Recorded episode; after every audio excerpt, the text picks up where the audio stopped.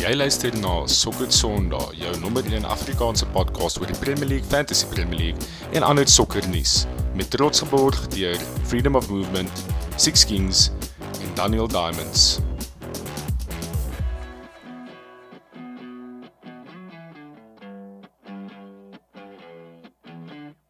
Goeienaand en welkom by nog 'n episode van Sokker Sondag, jou nommer 1 Afrikaanse podcast oor die Premier League, Fantasy Premier League en ander sokkernuus. Manne, ek moet seker eers om verskoning vra want ek is terug na soos 4 weke, so mini sabbatical. Halfte van dit was saam met Konna in Oktoberfest wat ek nie baie kan onthou nie. En die ander helfte was in Frankryk uh om die boys te support. En die hoofrede hoekom ek eintlik nie op die show was, nie was net Man United het my so baie horries gegee die afgelope paar weke dat ek nie eers sokker kon gekyk het nie. Maar is lekker om terug te wees en toevallig het Man United gewen. Ehm um, soos jy kan hoor, ehm um, Christopher Falk is vanaand saam met ons. Ja, hy's in die Wildtuin. Hy hy wy daar oor die Springbokke. Hy maak seker hulle is reg vir die naweek. Voer vir hulle 'n bietjie Franse gras daarso in die Wildtuin. Maar ons het 'n paar ander legendes hierso saam met my. Ehm um, ons verwelkom terug vir Konna. Konna, goeienaand. Hoe gaan dit? Nee, goed, kan nie kla nie. Kan nie kla nie. Lekker, Bietjie man. van Ek verkoue, dink ek- ons skit hom hè. Daar's 'n bietjie COVID. Hooplik nie. Hulle ek kry hom dalk môre vir lunch, so hooplik steek Yes. hom nie weer aan. nie.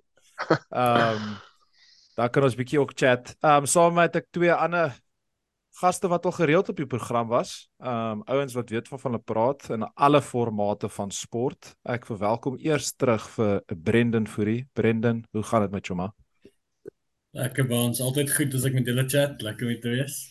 Yes, en soos wat jy gesê het nou voor die show, jy geniet 'n international break want jy werk Ja, actually in ja. sokker. Ja. Ja. Net so net so een line Brennas, hoe gaan dit daar by Stellenbosch FC? FC? Ehm as jy my laasweek Dinsdag gevra het, nie so goed nie, maar ons het Woensdag al 3-0 gewen, so all is good. Dis net so goed so laaste game, so ons is happy. Klink soos Man United. Ehm um, en dan het ons 'n man wat taamlik lank terug op die show was, altyd 'n groot eer om hom hier te hê. John, welkom terug. Ja, baie dankie. Is is 'n lekker. Dit's bietjie draak nou koud hier in Noorwe. So uh, ons is maar binne huis. Maar dit is 'n groot voorreg om hier te wees. Ek voel bietjie soos die bomb squad. Word opgeroep elke nou en dan. Oh, Geen nie om 'n paar maak? penalties te slot nie. So ja, as julle my nodig het. John net so vinnige live enetjie. Uh baie geluk met die baba. Uh Uh, baie dankie. Uh is jou eerste keer wat jy op die show is vandat jy pa geword het. Ek kan Ja. sommer sien jy het al klaar baie meer ondervinding in die lewe as al drie van ons saam. So well done. Ja. As ek as ek minder praat, is net omdat ek moeg is. Dis nie omdat ek nie wil praat nie. Uh manne uh die Premier League is verby. Dit was weer klassiek naweek van die Premier League. Um ons draf gou vinnig deur die agenda voor ons stil staan op die verskillende topics. Believe it or not, um Eden Hazard uh het afgetree vandag op die ouderdom van 32. Um so ons gaan 'n bietjie stil staan by hom um en sy sy karier. Um en dan gaan ons 'n bietjie praat oor die naweek. Ons wil spesifiek stil staan op Man United. Uh, as 'n rede kom ek en Brendan op die show is, ons moet uiteindelik bietjie in die spieël kyk en net gesels oor alles wat daar aangaan of ons nou wil of nie. Gelukkig het ons gewen so dit gaan makliker afgaan.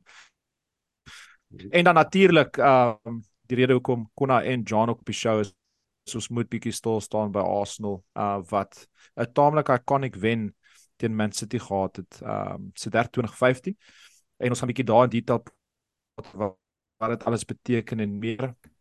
En dan laaslik, soos ons weet, dis nou die begin van die international break is baie spelers het al gepraat daaroor. Pep Guardiola het geraak daaraan. Uh en ons wil net bietjie praat oor die voetbal um of die sokker skedule oor die algemeen en is daar eenvoudiglik net te veel sokker wat aangaan op die oomblik. Maar manne, uh voor ons oor die naweek se Premier League praat, ons moet seker praat oor wat baie mense redeneer is 'n Premier League great.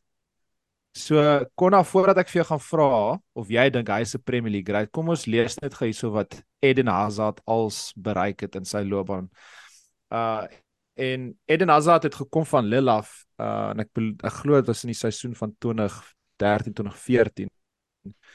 Um as 'n youngster met 'n ongelooflike reputasie en hy het daai seisoen voordat hy weg is, het hy eintlik die Franse liga gewen met Lille.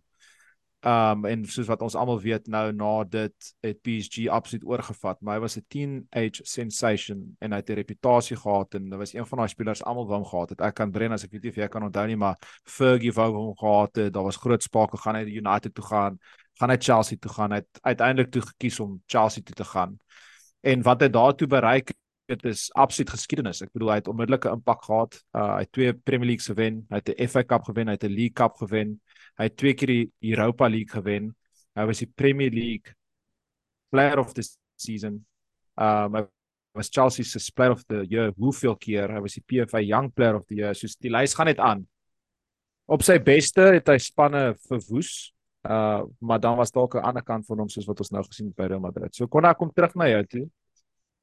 Kan ons vir Eden Hazard ag as 'n Premier League great? Sonder twyfel in my opinie. Ja. Uh ek ek, ek persoonlik dink hy's 'n 'n heeltemal 'n nie nie algemene sokkerpubliek is hy 'n heeltemal 'n uh hoe kan ek sê misunderstood speler. Ek dink baie mense kyk gereeld vas en dis baie keer die tekortkoming uh, van stats is soos as jy net na sy assists en goal tally gaan kyk, yes, dan is hy nie noodwendig uh daar nie. Maar vir my, hy's een van daai spelers wat hy bied soveel meer as goals en assists en hy's een van daai ouens as hy op die bal kom, dan sal onmiddellik 4 of 5 van die ander span wat iewes skielik nou begin wonder wat doen hy? Waar moet ons wees? Wat moet ons nou doen? En dan fokus hulle nie op hulle manne nie en hy enable, hy's 'n enabler. Hy laat ander mense heeltemal na ander vlakke toe gaan en ehm um, so in my opinie is daar geen twyfel nie. Ek dink dis baie jammer sy Madrid move het so uitgedraai. Ek dink dit teind sy karier bietjie of ten minste sy sy hele karier, maar in terme van sy Premier League karier is is daar geen twyfel nie. Kyk, daar was min spelers wat die vermoë gehad het soos Eden Hazard om regtig die game tussen sy voete te vat en te besluit hy gaan nou die game verander. Of dit beteken het dat hy self die goal geskor het, ehm um, of en of dit beteken dat hy letterlik 2, 3, 4 defenders ingetrek het en dit dan vir iemand gegee het wat dalk die final pass gemaak het uh voor die ou dit skoor. Daar's min spelers wat dit kon gedoen het. Brennas, as ek uh, dit vir jou kan gee, wat wat sal jy onthou van Eden Hazard en sy sy legacy in die Premier League? Ja, nee, kyk by ons, ek onthou daai game op Old Trafford waar Ander Herrera hom gemanmaak het tot in die toilet halftyd. Ehm uh, maar ja, nee, op ernstige noot, waar 'n player, een van daai game breakers. uh dit was min van hulle soos soos wat ehm um, ja, mense vandag op ek het gelees soos stats en wat kon ook gesê het soos nie noodwendig die die grootste so stats masjien nie, maar op sy dag unplayable. Daar's 'n rede dat ons ou gestuur het om hom vir 'n 90 minute oral rond te volg. Hy's ja, what a player. Absoluut. En ek bedoel, dis dis omtrent 10 jaar later vandat hy sy debuut gemaak het in die Premier League en ons praat nog steeds van hom. Veral ons generasie van ondersteuners kan regtig onthou toe Eden Hazard na Premier League toe gekom het. Um John uh van 'n Arsenal fan se perspektief af en iemand wat die Premier League goed volg, wat sal jy onthou van Eden Hazard? Ja, ek dink hy ehm um, ek dink hy het gelove om teen Arsenal te skoor as ek dit reg kan onthou. So dit sal ek definitief onthou, maar ehm um, as ek hom moet klaas as 'n legende, het ek gedink soos ek dink nie hy sal dadelik opgeneem word in die Premier League Hall of Fame nie, maar as ek hom nou selfs moet teer, is dit so half jy weet jy jy kan hom so vergelyk met 'n amper so Gareth Bale en Yaya Toure en die tipe impak wat hy op 'n game gehad het. Soos um, hy sal so buite aan die linkerkant op die boks bietjie rondhang en dan ewe skielik begin hy net hardloop en dan panic al die defenders en dan jy weet daar step daar 'n boy soos Jason Colby en maar ek dink ook wat wat nice is van Eden Hazard is hy jy gaan nou hom nou nie krediet gee op sy longevity nie maar hy het twee amazing seisoene by Chelsea gehad en toe het hy 'n 'n derde seisoen gehad waar hy actually dink iets soos 30 games gegaan het sonder om te skoor en toe het hy twee weer great seisoene daarna gehad. En en dis so half dit, dit moet bietjie 'n testament so half vir hom sê dat hy nie net iemand was wat so half gevoel het ge, of hoe sal ek sê so die wave amper geraai het van sy talent nie maar hy het actually teruggekom. Hy het 'n swak seisoen gehad en hy het teruggekom en hy het ehm um, en hy het actually 5 baie goeie seisoene by Chelsea gehad en 'n baie sterk span ook. So ek dink hy's definitief meer van 'n legende as 'n ja, Toure en 'n Gareth Bale net omdat hy ehm um, meer as net een seisoen gehad het wat hy goed was. Ehm um, maar ja, net so 'n bietjie onder die die die Premier League Hall of Ja. Famers. En die ding is hy het ook sy beste sokker gespeel in die Premier League en jy het nou geraak daaraan longevity, maar ons moet ook nie vergeet nie, die hy het letterlik begin as 'n tiener. Ek dink hy het vir Lille omtrent sy sy debuut gemaak toe hy 16 of 17 was. Ehm um, en okay, in vandag se tyd om op 32 af te tree is verskriklik jonk. But he's done it en ons moenie vergeet en ek sê dit gereeld op die show dat mense in sokker te baie kort geheue dat hy het gegaan vir 100 miljoen na Real Madrid toe vir 'n rede, want hy was, jy weet, of jy nou wil argumenteer op haar tyd presies daai hoeveelheid geld werd, maar ek dink hy het dit verdien want hy was so ongelooflik goed en ek het ongelooflike slegte memories van hom want hy was so goed. Uh maar ek dink hy's iemand wat uh ons altyd sal volhou in die Premier League whether he's one of the Premier League greats of all time or not. Hy is definitief een van die top entertainers of all time. So Eden Hazard geniet daai biertjies uh by die see. Ek dink jy het bietjie vroeër begin toe Real Madrid toe gegaan het, maar geniet hulle chom. Um, manne, kom ons kyk bietjie na die naweek se se Premier League resultate. Dit was vir 'n Premier League naweek met verskriklik baie aksie en nog baie goed het gebeur. Ek gaan net hier vinnig deurgaan as daar ietsie is wat uitstaan, stop my en skree. Uh ons het begin met 'n Mohamed Gandhi early kick-off uh waar Spurs het gespeel teen Luton en ek weet ten minste dat 'n paar ouens wat op hierdie call is, myself ingesluit, het vir Sonny gekapten want dit maak sin om vir Sonny teen Luton te captain. Maar soos die man Self. gesê het, never back a early kick-off. And what happened? Hmm. Ja, Sonny het geblank. Maar Spurs het gewen. Ehm um, hulle het grit gewys. Hulle is vroeg na 10 man toe. Besuma het uh, twee yellows gekry op een volgend. Ehm um, en hulle het daar met 'n Mickey van der Ven ehm um, goal daai game ge- gewen, clean sheet gehou en hulle is top of the Premier League as things stand. Ehm um, Chelsea het nog 'n game gewen. Kan jy dit glo? En hulle het 4 Ja. goals geskor. Raheem Sterling was absoluut instrumental, 2 assists en 'n goal. En 'n notable shout-out daarso vir Jaco Bester wat vir Cole Palmer in sy fantasy ingesit het wat ek dink omtrent niemand al gedoen het nie en hy het geskor en geassist wat absoluut belaglik is. Um net 'n vinnige enetjie daar konna. Um Lyle Foster het nog 'n assist daarso. Uh, is Burnley bietjie in die moeilikheid? Moet hulle bietjie aanpas hoe hulle speel want hulle begin tot die Premier League is nie baie goed nie. Ek dink hulle moet. Ek dink hulle is baie naïef om te dink hulle kan opkom en en net ek meen Norwich het al hoeveel keer gewys dat jy kan die championship wen met 10 punte, 15 punte met jou soos met 'n fluent style of football. Maar die ek dink ek dink die Premier League is net op so 'n punt waar die die kwaliteit van spelers wat nie net in die topspanne is nie, maar selfs nou al in die soos uh, bottom half spanne ehm um, dan die kwaliteit is net so hoog dat tensy jy die beste is wat nog ooit in die championship was is Ja. dit moeilik. Ehm um, Ja. as jy kyk as jy kyk na ander spanne wat opgekom het wat by hulle game gebly het en dit soos hulle kon oplei. Dit was spanne soos Sheffield United wat baie unieke game plans gehad het wat hulle gejol het, maar nog steeds defensive. Ehm um, en ek dink ek dink ek dink ou Winnie het 'n het definitief 'n kopkrapper daar in terme van ek dink hy weet hy moet pivot, maar hy probeer vind hoe baie hy moet pivot want om dit heeltemal te abandon gaan net so sleg uitdraai. So, ja, Absoluut. dit- Hy gaan definitief moet pivot want as dit so gaan aanhou gaan een van hierdie manne binnekort hulle jobs verloor want die druk is net eenvoudig te hoog om te perform. Um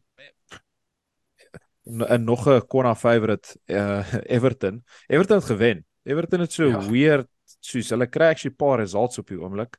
Um al het hulle teen Luton laas naweek verloor. Hulle het gewen 3-0 teen Bournemouth wat ek dink ons almal mee verras was. Um en dan dis definitief nie die Sheffield wat Conan nou oor gepraat het wat paar seisoene teruggekom het en regtig um 'n baie impakvolle Premier League gehad het in hulle eerste seisoen nie. Sheffield sukkel baie erg op die oomblik. Dis 'n baie subpar Sheffield span. Dit is baie Um sleg. en hulle 3-1 uh verloor teen teen Fulham. Ek wil net daar 'n notable shout-out gee aan William. Uh ek het gedink hy gaan 'n baie kak signing wees aanvanklik en hy actually slowly ticking along for Fulham at the tender age of somewhere in his 30s. Um en dan bring dit vir nee. Hy is definitief nee, ou wat na homself kyk hier.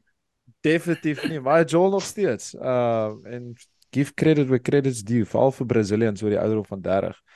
Um hier dan moet ons nou stil staan, uh want dit is presies die rede hoekom Brennas ons so mooi ge gejoin het vanaand. Brennas, um ons het 'n sokker game gewen. Ons was op pad, ons was op pad en ons praat ek nou van Manchester United, was op pad om ons slegste begin te gehad het se derd 1979. Ons was op pad om 4 games in 'n ry op Old Trafford te loor. Ons het daai game verskriklik sleg begin. Um ons het 'n baie slegte goal concede waar Lindelof die bal letterlik in een van Brentford se spelers ingepaas het en partykeer lyk dit asof Onana oor die bal duik in plek van in die bal vasduik. En die bal het toe in die agterkant van die net opgeëindig en ek het met my hande in my hare gestaan en ek het net gedink soos oh my word hier gaan ons al weer en 'n ek kan dit nie glo nie ek kan dit genuinely nie glo nie maar 'n dag voor hierdie game is Alex Ferguson se vrou oorlede Cathy Lady Cathy Ferguson en dit het net fitting gevoel dat 'n absolute Fergie time 'n uh, homegrown talent in Scott McTominay toe twee absolute last gasp winners geskor het met 'n assist deur Harry Maguire vir die laaste ene en ons het 2-1 gewen. Maar Brennas, ons moet eerlik met onsself wees, dit is absoluut die epitome van painting wat sit paper over the cracks. Ons het, het ons het probleme. Ehm um, ons het beseringsprobleme, ons het dissiplinêre probleme. Ehm um, ons het verkeerde owners ek wil net bietjie stil staan en ek wil net hoor by jou en veral by jou wat aan die binnekant van 'n sokkerklub is. Kan jy vir ons net en vir die luisteraars net bietjie vertel wat aangaan met Man United en wat gaan presies verkeerd op die oomblik? Ai, want dit is nie lekker om oor te praat nie. Ehm um, ek dink as jy vir my 'n paar jaar terug gesê dat Harry Maguire gaan vir Scott McTominay assist om die wenner teen Brentford te skoor, om ons te red van ons slegste staat ooit, dan sou ek letterlik my hare uitgetrek het soos hoe is ons nog steeds in hierdie posisie? Ja, ag dit is dit is shocking. Soos ag as jy kyk na daai eerste daai goal wat ons conceded, ehm um, en dan ag ek dink is Casemiro gee die bal weg in midfield. Lindelof soos jy sê in sy eie boks pas dit vir iemand anders en Onana se arm gaan oor die bal. So uh, dit is net ja, 'n comedy of errors. Dit reg dis reg shocking en Jadon Sancho wie ek baie oor opgewonde was uh, wat ons klub gejoin het wat nie wou jammer sê vir die manager nie. Ehm um, elke right wing wat ons het wat ehm um, aangekla word van een een of ander assault behalwe assault on the goal. Ehm um, ja, beserings hoe ons met paar weke terug met Johnny Evans en Harry Maguire en met ag in defense gespeel het as rede dat Leicester ehm um, gerelegate was. Ehm um, Ja, bietjie unlucky met al ons left backs wat beseer is. Ehm um, as jy ja. sê gadget en iemand laat net gaan left back speel vir United sal guaranteed 'n besering kry.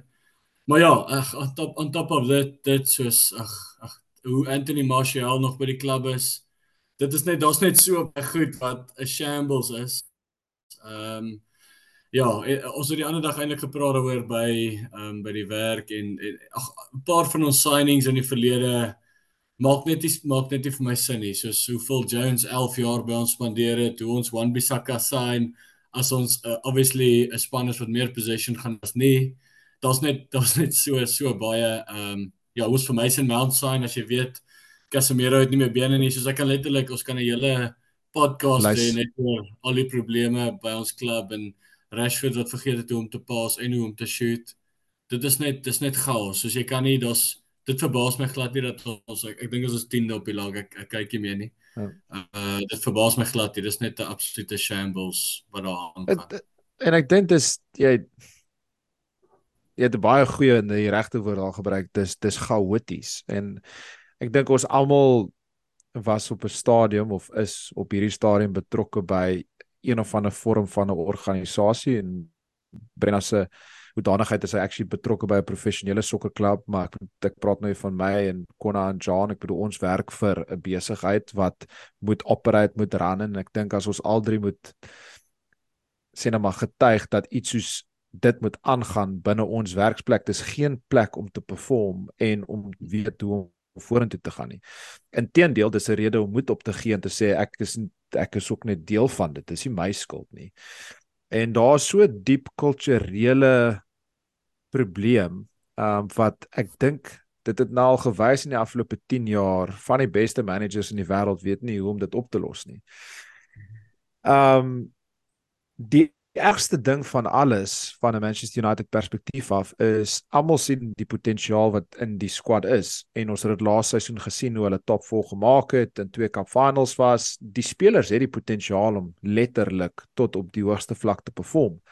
Maar sodra daar ietsie verkeerd gaan, dan lyk dit asof daai squad letterlik in twee gedeel word en daar is die ouens wat nie gekies word nie en ons praat nou hierso van jou Harry Maguire's, Scott McTominay's, Jadon Sancho's daai ouens en dan staan daar natuurlik die ouens ehm um, wat agter Erik ten Hag is wat hy ingebring het. En dan staan daar die paar ouetjies wat so bietjie op die fence sit en besluit hulle gaan met die flow en onder andere Marcus Rashford. Brennas ehm um, is Erik ten Hag nog die regte ou?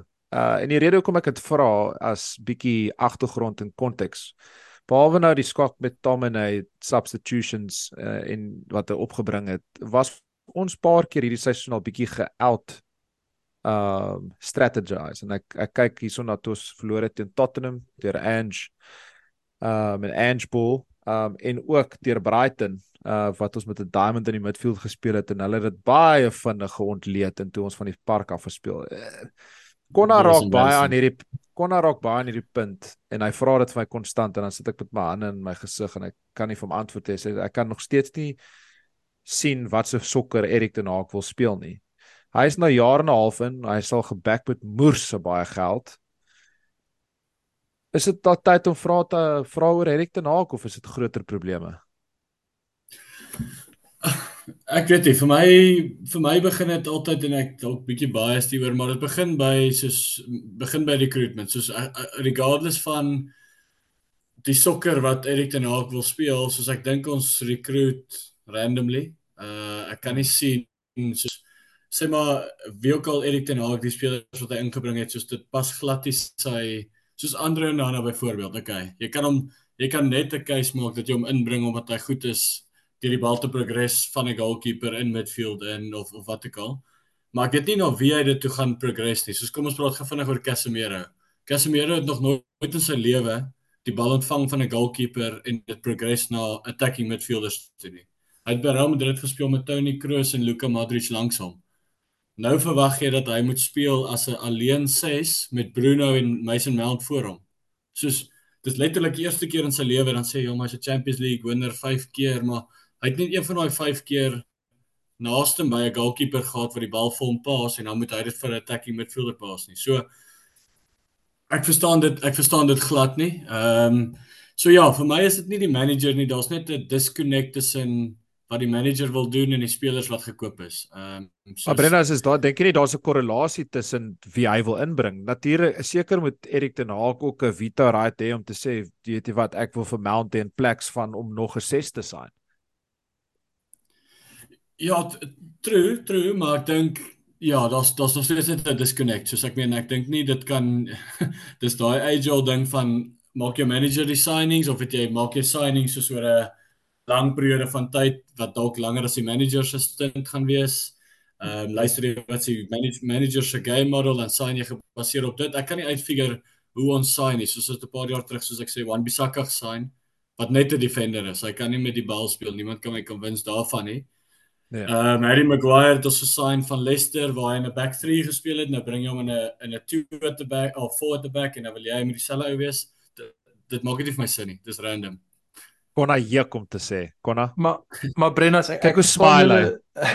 Ek verstaan jou punt rondom recruitment en ek dink die die die voor ten Haag recruitment 100% reg soos almal het geweet dis dis scattergun dit maak nie sin nie soos baie van jy wat julle gedoen het is net soos niemand weet hoekom nie. Ek dink ek dink ten minste daar's ten minste helfte van die gewig om te dra deur Ten Hag van die signings op sy watch want amper almal het 'n Erik Ten Hag soos reference point soos hulle het of onder hom gespeel of hulle is Hollands of soos verstaan jy hulle het onder 'n Hollandse coach gespeel basies soos hulle is almal ek dink hy het groot insaag gehad op die mense wat gesign is gedurende sy tyd miskien nie maand nie maar soos die daar's baie geld spandeer op spelers is wat definitief sy spelers is. En en en dit is vir my 'n 'n groot ding. Ek sê altyd soos ek onthou met uh met Frank Lampard soos ek het altyd gedink hy was 'n kak manager en hy het okay gedoen aanvanklik by Chelsea. En dit was toe hulle daai seisoen gehad het wat hulle ook vir vir Kai gesign het wat hulle soos 400 miljoen pond spandeer het. Wat ek gesê het soos dis verby vir hom. Soos hy gaan nie kan produce wat van jou verwag word as jy so transferwinde agter jou het nie. En ek voel net soos met Ten Hag hy het 4 5 ouens wat onder hom gespeel het wie jy moet sê is sy mense wie hy ingebring het en so, soos baie gesê ek vra dit van hom gereeld soos, ek weet nie wat wat se sokker julle wil speel nie en ek ek weet hy het gesê aan die begin van die seisoen julle wil die beste transition club in die wêreld word maar soos is dit genoeg vir Manchester United ou is dit? Ja maar Konne jy's jy jy jy's reg en um ons het hierdie naweek het gesien as hierdie naweek se game gekyk het dit het regtig op op die slegste stadiums gelyk soos 11 ouens wat nie geweet het hoe om saam sokker te speel nie. En dit is dis regtig skrikwekkend as jy dink eerstens hoeveel hierdie ouens betaal word tweedens hoeveel tyd hulle saam op die oefenveld spandeer en dit lyk nie asof dit klik nie en dit is nou al geruime tyd wat dit saam is en jy is 100% reg oor die recruitment. Die die ding wat ons onsself mee die dilemma waar ons onsself in vind is die balans tussen die regte mense saam wie die manager wil hê om 'n sekere manier van sokker te speel en om die global brand te maintain om 'n Casemiro te sign om 'n Champions League variant te sign, om 'n Cristiano Ronaldo te sign, om 'n Jadon Sancho te sign, wat hem te verkoop, wat Starboys is. En ons het daai innerlike konflik waar ons het daai ouens wat dink hulle is nat kak voordat hulle by die klub inkom of het dit al alles gewen en is nie lus om dit weer te bewys nie in vergelyking met die speler wat te Hoyland inbring of vir Amrabat inbring of vir Alessandro Martinez inbring wat wil wys, wat wil speel. En daai twee en ek praat nou hierso absoluut uit ondervinding. Die kere wat ek op Carrington was, die coaching staff ha die corporate kant. Hulle praat skaars met mekaar want die corporate kant gaan in een rigting met sponsorships en geld maak en fucking beddens adverteer en die ander kant wil letterlik net fokus op sokker oefen. En dis die rede hoekom al die geld en nie nie elke liewe sent nie, maar meerderheid van die geld gaan in transfers in en aan die corporate kant en nie aan die facilities om wat een van die grootste sokkerklubs in die wêreld op die eerste klas te sit waar hulle moet wees nie. Um en alvorens en dit, dit gaan nou klink soos 'n stereotypiese Manchester United fan se antwoord, maar alvorens daar nie ander owners is wat die klub in 'n vorentoe rigting vat en al daai kulturele probleme uitwis en al daai mense weggaan, dan gaan ons heeltyd in hierdie cycle wees waar ons gaan 'n manager inbring, ons gaan 'n bounce hê, ons gaan soos tweede, derde, vierde eindig want ons het geld, ons het die spelers en dan gaan hulle verloor en dan gaan hulle drop en ons gaan hom sack en dan gaan ons net so jou jou boom boom boom boom boom. Ehm um, John van 'n buitestander se ja. perspektief af is is daar enigiets wat jy wil wil wil bylas? Ek voel ek wil so bietjie opkom vir te nag. Ek uh, ek like daai bless man eintlik nog ons baie want hy is wel die eerste ou wat ek voel hy is 'n straight shooter by die press conferences so hy aan dit gevas. Uh hy is dit jy weet hy's 'n straight shooter by die press conferences en hy maar ek, ek dink ook as jy kyk wie City sign wie Arsenal sign selfs Chelsea ek weet nie hoe hulle die unbelievable jong talente sign nie maar Manchester United lyk ook nie net soos 'n klub waartoe almal wil gaan op die oomblik nie. En ek dink ons baie keer in transferwindow gesien soos ek dink Erik ten Hag se eerste keuses het hy nie gekry nie. Ehm um, ek ek weet nie of ek, ek dink Casemiro was se eerste keuse Nee, nie. dit was Frenkie ek, de Jong. Ek dink nie. Ehm um, ek dink ja, Holland was swaar vir eerste keuse nie. ja, Jy weet en en nou en, en daar's ook nie daar, daar's nog steeds uh, dis so of, asof hy weet hy het probleme in sekere posisies en in plaas van om dalk te invest in jong ouens wat seker almal of Chelsea of Arsenal toe gaan op die oomblik. Ehm um, hy hy kry net nie ek dink nie hy kry die spelers wat hy wat hy eintlik sy eerste keuse wil hê nie as hy nou moet en en dis vir my snaaks of dis net vir my unlucky want ek dink as jy gaan na 'n klub soos Manchester United dan verwag jy so of okay ek moet al die spelers kan kry wat ek wil hê en dit voel vir my die baie van sy deals is so of last minute deals wat so of dan dan kom die corporate kant en hulle sê okay maar hoorie ek ek gaan nou ek gaan nou hier in belê en hierdie ou gaan nou kom en uh, hy gaan goed wees vir die klub en, en dan moet hy nou maar ja sê want dit is eintlik die, posisie wat hy wil vul. So ek ek ek hoor wat ek stem heeltemal saam. Dis dis nog steeds chaos, maar ek dink net ek, ek dink nie hy kry sy eerste keuse ook in soos wat hy regtig wil nie.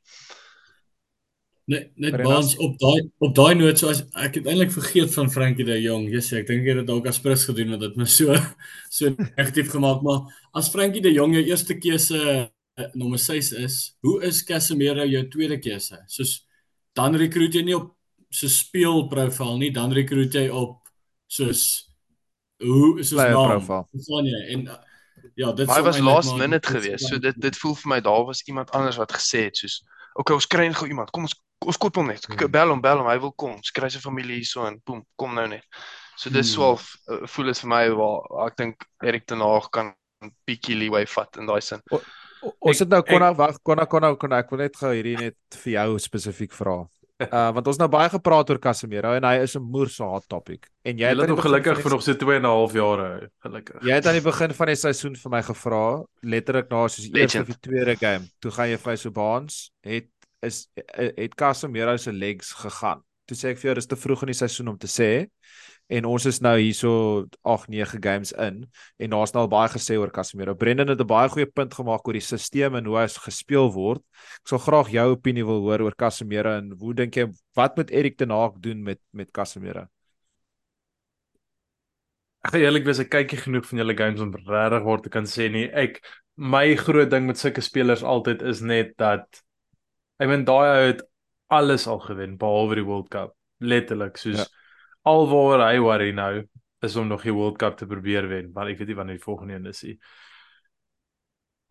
My vraag is altyd soos hoe lank is hulle bereid om te fight? Soos laaste seisoen was hy bereid om te fight om in die Champions League te kom en dan kom hy deur 'n pre-season en dan lyk dit asof dit maar net weer dieselfde gaan wees en dan sê hy soos van wat gaan ek wen? Soos wat gaan ek kry uit? Niemand gaan niemand gaan worry oor wat gebeur in die volgende 2 jaar as hulle na my loopbaan kyk. Ek het wat 5 Champions Leagues by Real Madrid gewen, hoeveel league titles. Dis altyd my vrees met daai ouens. Is net soos hoe lank is hulle nog bereid om te fight? Soos hy's nie 'n Ronaldo wat tot en met 45 wil sokker speel op die hoogste level nie. Uh en ek ek ek vrees miskien is dit nog nie heeltemal daar nie. Hy sal hy sal 10 teen 1 weer 'n 'n purple patch of 2 hê. Maar ek dink die Casemiro wat hulle laaste seisoen gehad het, gaan nie op 'n gereelde basis weer so oppop uh going forward nie.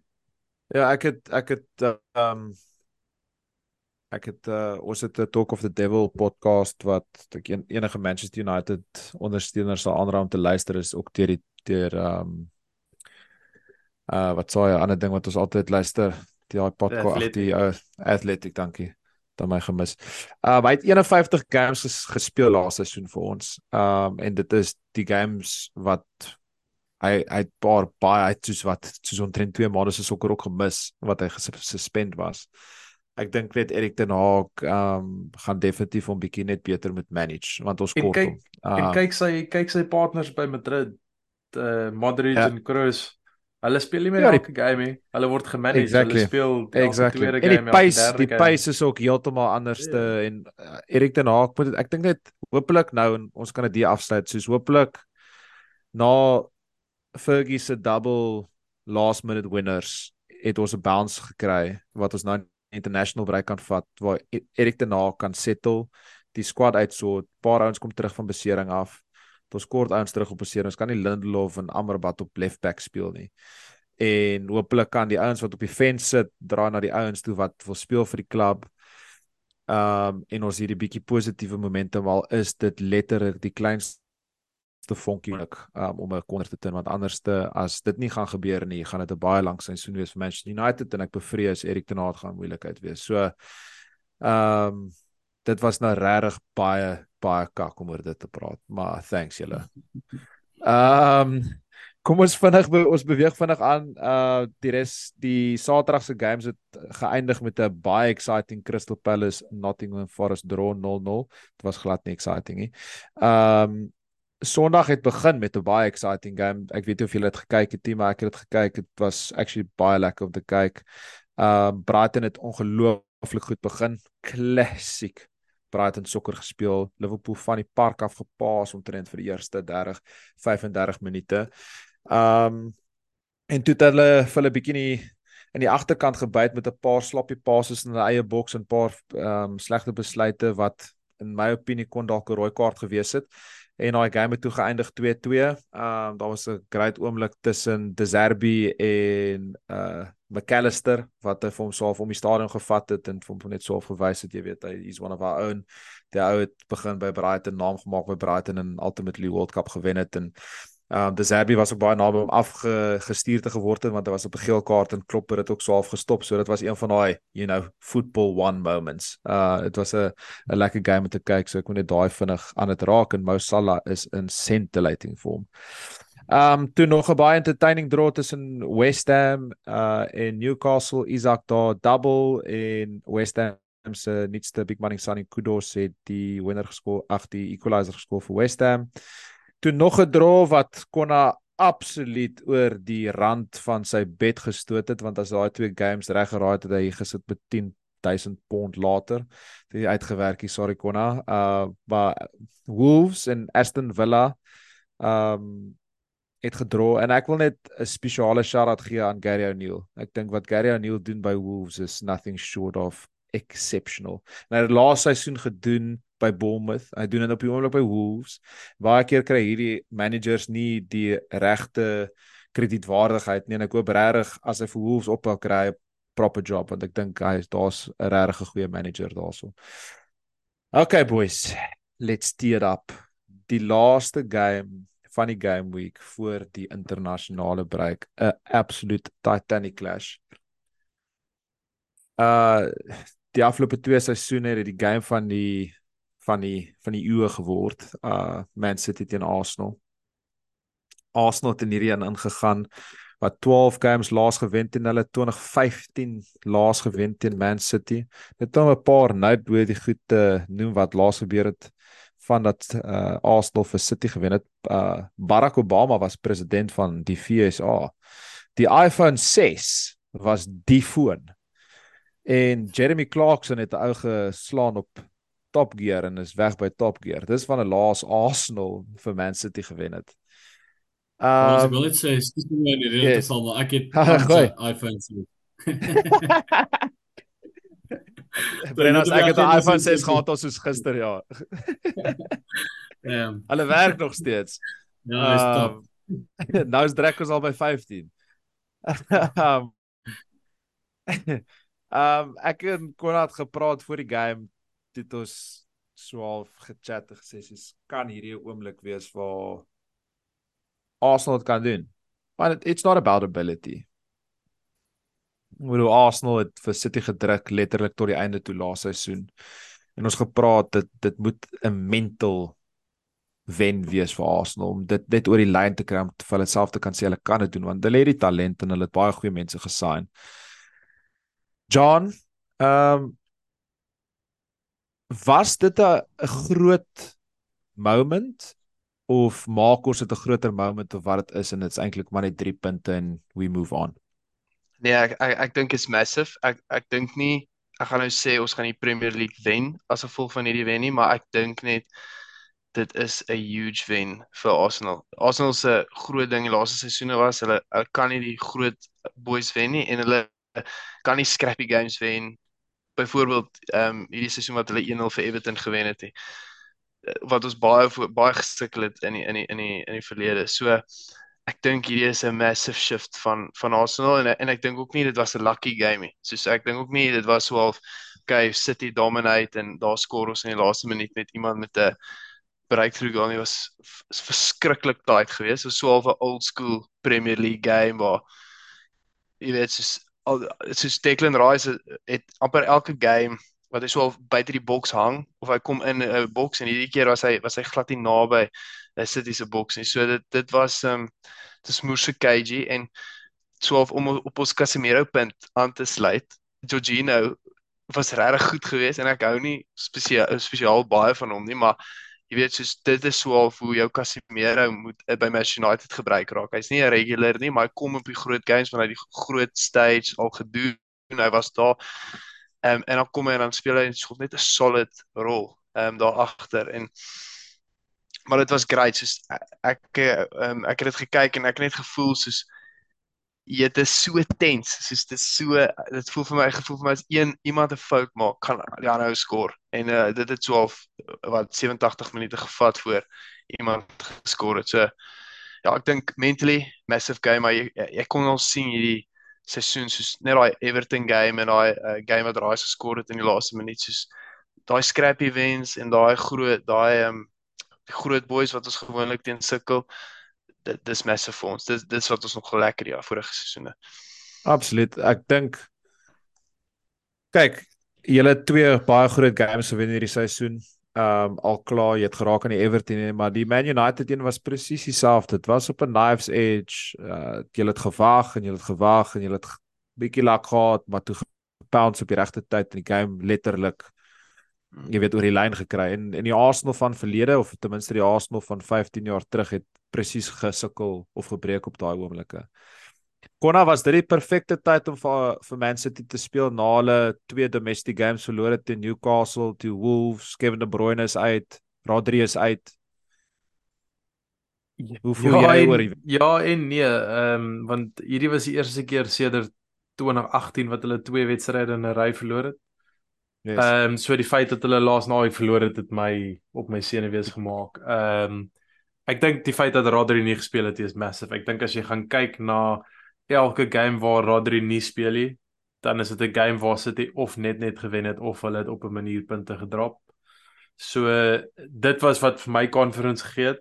Ek dink toe ek en jy gepraat het, sê ek die feit dat Rodri uit het is is massive vir ons massive, en ja. Ek moet sê ek was ek is ek's op 'n manier, ek weet baie mense het heel waarskynlik die game baie boring gevind, maar ek was baie trots op 'n manier in terme van hoe ons gespeel het. Ehm um, ek dink die laaste twee seisoene ons het 'n baie aanvallende game oor die algemeen gehad. En ons het gesê weet jy wat, soos uh daai wat sê conference of youth, ons gaan gaan ons gaan ons game teen die beste gaan jol en ons gaan kyk waar kom ons uit met dit. En vier keer in 'n ry was ons baie hard opgevok. Ehm um, en hierdie seisoen dit het al begin in die Community Shield. Jy kon sien hierdie was twee coaches wat die game baie dieselfde sien, baie takties, die manier van press en die off the ball is baie dieselfde. En dit was basies soos twee boksers wat om mekaar draf in die ring en hulle wag net vir daai knockout punch en hulle maak net seker hulle word nie geslaan nie. En ehm um, yes, ek moet sê dit was ek meen wat City het 4 shots gehad die hele game. Erling Haaland het nie een shot ja. gehad in die hele game nie. Ek dink dit is baie lank klas. Ek dink dis die eerste keer onder Pep wat hulle minder wat hulle net 4 shots in 'n Premier League game gehad het. Ehm um, so ek moet sê takties het ons dit die uh die die regte manier aangepak en 'n 'n massive shout out aan die bomb squad. Party Tomiyasu ja. Havertz en Martinelli. Ehm um, hulle verskil maak, ja. Hulle het deurgekom. Al, al vier van hulle het gekombine vir die goal en ja, ehm um, Ja, nee, dit is massive. Ek dink dis dis iets wat en ek dink ek, ek dink jy ons die community shield geselebrate omdat dit 'n trofee is of wat ook al nie. Ek dink dit was die feit dat soos mentally soos ons het een oor sit hier gekry iets wat hierdie span ja. nog nie kon doen nie. Ek dink ons het basies al al die ander spanne uh behalwe Liverpool, Liverpool se een wat nee, ons het ons het al vir Liverpool gewen uh die afgelope twee Ons het laas Ja, seisoen vir Liverpool home gewen, ja. En Ja, nie dit was away nie-. Yes, nie away nie. die maar- grootte is. Ja, tragiese dag hoor. hè. Ja. Ehm hierdie was die een wat ons nog nie kon doen nie. En Ja. ek ek dink ek dink dit beteken baie maar terselfdertyd soos as daar 'n seisoen was waar dit moes gebeur het, dink ek dit was die seisoen. Ek dink as dit laaste seisoen gebeur het, sou manne heeltemal hulle kop verloor het. Ek dink almal. Ek dink as hulle Ja. gedink het ons was irriterend laaste seisoen, dit sou 10 keer erger gewees het met 'n 'n- 'n City wen. Kon- Maar ja, all in all baie baie happy met die result en en I can imagine. Ek kon net ek kon net op die agterkant van jy het na die bomb squad daar gerecognize en hulle het almal gecontribute tot die goal. Ek kon net ook sê ek het regtig gedink Gabriel en Saliba was uitstekend. insane. en hulle het vir Haaland doodstil gehou. Um en ek dink as Sa- Saliba laaste seisoen heel, heel seisoen fiks was, sou die title challenge dalk bietjie closer gewees het. Maar hulle het regtig um uitstekende game takties gespeel en ek dink hulle het daai game goed verdien. Brennas um ons moet net aan dit raak. Die resultate toe in Arsenal se guns gegaan maar dit kon baie maklik City se kant toe gegaan het en Kovacic kon op die veld gebly het. En hy het op die veld gebly. Ek wil maar net van jou meer neutrale perspektief af hoor. Moes Kovacic afgestuur geword het? Oh, gee my net alweer nou, maar ek dink die antwoord is eintlik eintlik eenvoudig. Ek dink ek het baie opinies op Twitter gesien, maar die antwoord is ja, hy moes afgestuur gewees het. Ehm um, ek dink daar was eintlik meer as een geleentheid om hom af te stuur en hulle het een van die twee gevat nie. Ek weet nie of dit related is met Michael Oliver se trippies na die UAE toe nie, maar kom ons sê maar dit is nie. Maar moes definitief ek dink hy moes afgestuur gewees het. Ek weet net nie wat se keer nie. Yes, yeah. let's leave it there. Ek dink jy raai Ja. yeah. mooi opgesom. Wie- Brennas jy nog ietsie sê oor die Arsenal Man City game? Ag ek voel my baie so Jose Mourinho dat hy my speak dit. Ehm ja, ag vir my dit moes 'n draw gewees het. Kom ons call dit spade spade. Ehm City het hulle 'n baie swak span gespeel. Away at the Emirates en hulle het gewen met 'n deflection. Die league gaan tussen City en Liverpool wees. So uh, let's move on dink ek. Ek kan dit daar los, maar ek kan dit nie daar los nie. Konna John anything anders dis anders dis beweeg ons aan hè. Uh, Liverpool se back four gaan hulle nie die Premier League laat wen hierdie jaar nie. So they, no ways dat jy dit kan Of hulle sê. hol- hulle het 'n holding midfielder ook ja. Ja, dit vir Endo. Ja. Ek gaan Nee, nie en Brennas- speel scores. It's not gonna Brennas- bite. Stel dit so as as dit 'n draw was, as dit 'n draw was, sou ek nie vir een oomblik gesê het soos ons moes dit wen nie. Ek dink dit Ja. was van daai games waar al drie results kon die regte result wees om 100% eerlik te wees met jou. Ehm en ja, ek dink persoonlik ook ek dink dink Liverpool het 'n hulle is weer op daai punt waar hulle het 'n great starting 11 of hulle weer miraculously daai starting 11 fix kan hou vir 3 seisoene in 'n ry sonder 'n besering, weet ek nie. Ehm um, en een ding wat ek van ons sal sê is dat ons het al deur heelwat beserings gegaan hierdie seisoen. Ehm um, en ons is 8 games in en ons het deur dit gekom en ons het minimale punte gedrop. So ek's positief.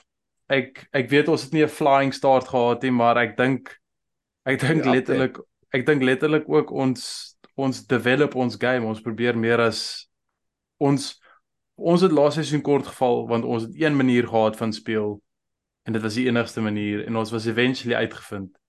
En ek dink wat Arteta probeer doen is om 'n bietjie iets anders te probeer om meer as een manier te vind om te wen. So ons sal sien. En ek dink nie die feit dat ons vir Man City gewen het beteken enigiets in die title race nie. Ek dink net dit beteken ons is in dit. Konna soos wat Patrice Evra dit mooi opgesom het toe ons nog jare terug gekompete het vir Premier League titles. It's a marathon, not a sprint. So die Premier League's definitief nie gewen of verloor hierdie naweekie. Maar Want kan jy glo Hy het ook 'n- stuk hoender op Instagram live gekou. Ah, So hy het dit gedoen. Hy het dit gedoen. En het iemand ook gekarate kick in Marseille. So I mean, take what you want. Ja, Maar ehm al twee al twee Noord-Londen spanne uh, eindig die Premier League in met 1 en 2. Uh ek dink die Arsenal fans wil weet wie's eerste nie. Maar die belangrikste ding is dat hulle dieselfde hoeveelheid punte is. Dit gaan weer 'n cracker van 'n seisoen wees. Ek is sterk oortuig dat dit gaan actually 'n proper title race wees hierdie seisoen. Uh ek kan net nie wag vir dit nie. En ons transition nou in 'n international break in. Uh ek dink nie mense kan dit deesdae 'n break noem nie. Um En die rede hoekom ek dink ons daaroor moet praat is ek dink stadig maar seker is baie spelers en managers besig om daar oor te begin kla, uh, meer as van tevore. As jy kyk na wat Varane gesê het aan die begin van die seisoen, hoeveelheid sokker wat hulle gespeel word pre-season word net korter, hulle travel na Pep Guardiola wat regtig soortgelyke goed gesê het. Um en die rede hoekom ek dit ook wil aanspreek is is eh, ten minste en dit is nie gebaseer op enige feit nie, maar wat ek net kan agterkom, ek kan nie onthou wanneer laas ons se seisoen so vroeg begin het met so baie beserings in so baie spanne nie. Um en vir my moet dit van ergens af kom. Um en ek dink persoonlik daar's eenvoudiglik net te veel sokker wat aangaan. Um Gabriel Jesus uh en ek het vir die Arsenal boys se vrae vir die perskonferensie gekyk het daardie guy um hulle gesê nee maar hulle het vir Martinelli en vir Gabriel Jesus na die tyd ge-interview um en gepraat oor die wen na hulle vir Man City gewen het en Gabriel het gelyk asof hy soos letterlik 6 maratonne gehardloop het. En ek bedoel dis 'n geruime tyd na die game en hy was pap nat pap nat gesweet en hy het gesê hy's gestikkend. Hy het 3 games nou in 'n ry 90 minute gespeel in 3 dae. Uh met die minimum spasie tussen dit. En ons noem dit nou international break en kom my terug my oorspronklike punt, maar die ouens vlieg nou almal reg oor die wêreld om net nog sokker te gaan speel. En die masjien hou net aan draai. Brennas, jy is jy's betrokke by so 'n organisasie en jy is bewus van die impak wat dit het op spelers psigies en fisies is dit so maklik om te sê daar is net te veel sokker op die oomblik? Uh kyk dis is vir my 'n bietjie moeilik om te sê. Ek meen ons het nie ons het niks internasionale spelers nie. Ons het net 30 league games in 'n seisoen. Ehm um, ons speel nie in Afrika kompetisie nie. So vir ons wil ons ons wil altyd meer games hê. Ehm um, ons ek sal verkies as ons 'n groter liga het, ehm um, dat ons meer dink jy speel genoeg league games in 'n seisoen nie, maar ja, ek dink vir my een ding wat onnodig is is soos hierdie UEFA Nations League. Ek dink dit is ja. call it what you want, dis 'n geldmaak storie. Dis net dis net bullshit. Soos dit dit niemand gee om alhoor nie of jy nou gerelegate of promote word of jy dit wen of nie. Ja, dit dit is vir my net te veel. Ek dink jy moet World Cup qualifiers hê, jy moet European qualifiers hê. Of course. South American qualifiers, dit moet jy doen. Maar toe hulle die Nations League inbring, dit is en friendlies en onnodige friendlies. Ja. Ja, dit is uh Ja, net so net so een sinnetjie op dit van jou kant af. Ja, en uh, ek dink ehm um, wat dit ook doen is dit dit uh dit ehm um, maak 'n gap tussen die groot spanne en die klein spanne. Ehm um, die groot spanne speel meer. Hulle ehm um, hulle kry meer geld, hulle maak hulle squads groter. En wat hulle dan doen is dan kan hulle compete in al daai kompetisies. So dan bly hulle in daai kompetisies want hulle spanne is groter en die kleiner ouens hulle kom nie tot daai kompetisies nie. Hulle kry nie so baie geld nie en hulle bly klein. So dis swaalf is amper 'n weet soos dit 'n divide wat dit wat dit wat dit veroorsaak ook. Ehm um, uh so ja, ek ek dink nie dis goed nie en en ek dink nou maar net soos Uh, ek bedoel wanneer het Haaland sy laaste game gespeel en wat was dit 4 weke na dit toe Jolley weer? Uh, ek bedoel Yes, dit ek ek dink net wat hoekom ons ook dalk vir City gewen het is is omdat daai hangover is is seker ja. reg daar soos hoe motivate jy jouself nou as jy so pas die treble gewen het 4 weke later ou speel jy kompeterende kompetisie soos Yes, dit dit moet daar wees en ja, hulle word baie betaal, maar ek bedoel dis is dis mense. Een, ja, dis mense op die einde van die dag ook. So ja. ja. Nee, ek stem. Ehm um, ja, ek dink Miroslav Klose, ek wil nou glad nie te pessimisties klink oor die game wat ons so liefhet nie, maar ek dink net daar moet sekere sekere beperkings inbring om net seker te maak die spelers word dan gekyk want hulle moet nie die beste produk op hierdie aarde opneek vir die syk van geld nie en ek dink hulle moet die onnodige goed eradicate om seker te maak die spelers kry genoeg ruskans sodat ons die beste produk kan kyk wat 'n wêreldsokker is. Um kon ek, ek nou nie vir jou gevra nie. Wat ek, wat ek het 'n vinnig en ek dink daar's 'n baie eenvoudige antwoord op dit basies en ek dink soos company het so half daarin geraak. Hy het gesê soos daar moet 'n cap wees, soos 'n speler kan net ek soveel uit games in 'n seisoen speel. En dit moet insluit klub international al daai tipe goed. En as hy daai limit getref het dan soos mag hy nie meer speel vir die volgende siklus nie. En ek hoe ek altyd gedink het daaraan is dat hulle moet soos 'n mandatory 4 week blok insit vir elke speler. Soos jy jy kry dit byvoorbeeld by banke om seker te maak dat man nou nie bedrog pleeg nie sodat hulle moet vir 2 weke hulle soos moet vir 2 weke weg van die werk af wees. Hulle mag ja. nie inlog nie hulle mag nie op hulle e-mails kykie. Maak dit vir 4 weke mag hierdie ouens hulle mag nie by die klub aan rapporteer nie. Soos hulle kan nie nice. deelneem aan pre-season nie, al daai tipe goed. Karafan. En wat en wat dit gaan beteken is dat jy gaan met squad manage. Soos yes. internasionale spelers gaan jy soos jy gaan hulle dalk later moet inbring of jy gaan hulle bietjie meer moet ek weet nie wat nie, maar soos dit moet iewers eindig want anders dan gaan die ouens net soos hulle ja, gaan aanhou val. En hulle doen. En hulle doen. Ehm um, daai is Brenaska. Kon ek dink daai stelsel is klaar in plek. Jaden Sancho is nou al 5 weke weg van my. Ons het blok vir een van die Daar is Ten Hag se stelsel nou. Yes. Wat sê Brenna's XG skopiers altyd na die 5de game weekend. Dalk is dit so met United. Ons XG kom nog. Ja, dis ek met 4 miljoen 4 miljoen in die wêreld in fantasy as hy van tydjie. Ja, wat 'n tydjie. So gepraat van fantasy, kom ons eindig net gou vinnig op om te sê wie die big movers en shaker was in die overall sokker Sondag liga. Kyk, is kompeterend. Ons het 'n nuwe ou wat heel bo is, uh Mohammed Wahid. Uh Terminators FC. Hy het 'n mammoth game week gehad van 82 punte. Hy oh. is oor sy sy algemene totaal is 539 punte wat regtig indrukwekkend is. Hy's kort op sy hakke is Kaggel FC, Ethan Jansen, lekker Kaggel FC, great naam. En dan het ons ons einste aanbieder Christopher Falk wat 'n ongelooflike seisoen het op hierdie stadium, derde in die overall sokker Sondag Liga met hierdie naweek 61 punte gemaak het en hy staan op 528 punte go papa go en ook in ons top 10 have to mention Konas fucking Kona. Kona, jy sewende Pelly.